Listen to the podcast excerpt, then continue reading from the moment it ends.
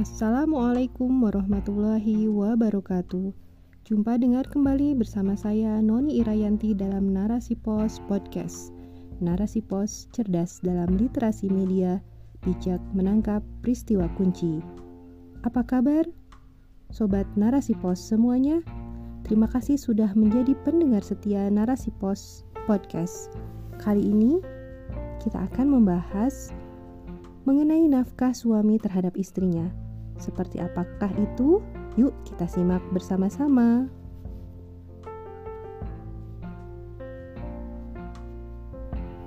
Suami dan istri harus tetap kompak dan romantis karena Allah, bukan karena uang.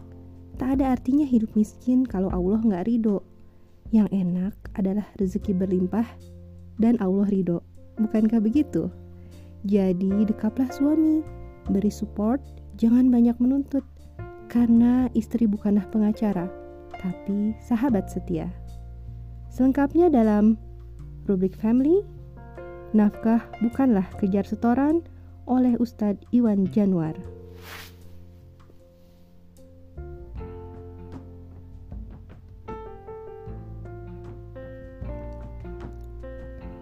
Pokoknya ayah harus bawa uang belanja 200 ribu rupiah ya. Sebagian istri ada yang memandang nafkah suami ibarat setoran, mesti dikirim tiap hari, dan jumlahnya sudah ditentukan. Mungkin para istri seperti ini sudah mengkalkulasi biaya kebutuhan harian atau bulanan sehingga punya target minimal uang belanja. Saya tidak mengada-ngada.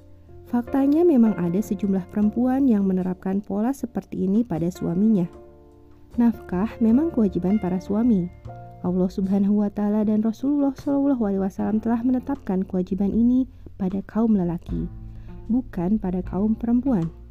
Firman-Nya, A'udzu billahi minasyaitonir rajim. Bismillahirrahmanirrahim. Wa 'alal mauludi lahu rizquhunna wa kiswatuhunna bil ma'ruf la yukallifu nafsun illa wus'aha Sadaqallahul azim yang artinya dan kewajiban ayah memberi makan dan pakaian kepada para ibu dengan cara ma'ruf. Seseorang tidak dibebani melainkan menurut kadar kesanggupannya. Terjemah Quran Surat Al-Baqarah ayat 233 Nabi Shallallahu Alaihi Wasallam mengingatkan para suami agar jangan sekali-kali mengabaikan nafkah keluarga. Sabdanya, Kaifa bil ma'i isman ayyudayya man yakutu. Cukuplah seseorang dikatakan berdosa jika ia menyanyiakan orang yang wajib ia beri makan, yaitu nafkah. Hadis riwayat Abu Daud. Nafkah juga mesti diberikan secara ma'ruf oleh suami. Ya Rasulullah, ma hakku zaujati ahadina alaih. Qala ang imaha iza ta'imta wa taksuwaha iza iktasaita wala tadribil wajha wala tuqabbih wala tahjur illa fil bait Wahai Rasulullah, apakah hak istri salah seorang dari kami yang wajib ditunaikan suaminya? Rasulullah Shallallahu Alaihi Wasallam menjawab, Engkau beri makan istrimu apabila engkau makan, dan engkau beri pakaian apabila engkau berpakaian. Janganlah engkau memukul wajahnya, jangan menjelekannya, dan jangan memboikotnya atau mendiamkannya kecuali di dalam rumah. Hadis riwayat Abu Dawud.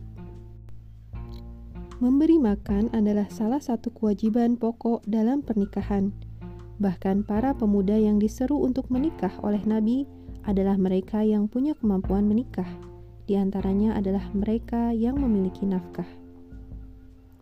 Ya ma'syarus syababi man istata'a minkum alba'aha falyatazawwaj. Wahai para pemuda, siapa saja di antara kalian telah mampu menikah, hendaklah ia menikah. Hadis riwayat Bukhari. Makna al-ba'ah oleh para ulama dijelaskan dalam dua hal. Pertama, makna secara bahasa yaitu jima, yaitu bersetubuh. kedua makna ba'ah itu adalah beban pernikahan, yaitu al-mu'nah dan jamaknya mu'an. Imam Nawawi dalam syarah Sahih Muslim juz ke-9 halaman 173 ketika menjelaskan makna ba'ah, beliau mengutip pendapat Qodi Iyad. Menurut bahasa yang fasih, makna ba'at adalah bentukan dari kata al-maba'ah, yaitu rumah atau tempat. Di antaranya, maba'ah unta yaitu tempat tinggal atau kandang unta. Kemudian mengapa akad nikah disebut ba'ah? Karena siapa yang menikahi seorang wanita, maka ia akan menempatkannya di rumah. Tapi para istri juga harus paham kalau kewajiban nafkah pada suami itu ditetapkan oleh Allah Subhanahu wa taala. Ya ini Allah menetapkan batasan nafkah sesuai kemampuan suami. Bukan berdasarkan kesepakatan suami apalagi permintaan istri. Tentu saja, suami harus paham kalau ia wajib bekerja keras sebagai pencari nafkah. Lalu, bicara soal nafkah, tentu terkait dengan ketetapan rezeki dari Allah. Tidak ada yang bisa memastikan berapa besar rizki yang bisa didapat seorang hamba setiap saat. Allah Subhanahu wa taala berfirman, A'udzu billahi minasyaitonir rajim. Bismillahirrahmanirrahim. Wallahu yaqbidu wa baisut wa ilaihi turja'un dan Allah menyempitkan dan melapangkan rezeki dan kepadanya lah kamu dikembalikan. Terjemah Quran Surat Al-Baqarah ayat 245 Di sinilah keadilan syariat Islam terwujud ketika Allah mewajibkan nafkah kepada para suami. Namun Islam juga memberikan batasan kewajiban itu sesuai kadar rezeki yang diberikan Allah – firman-Nya, billahi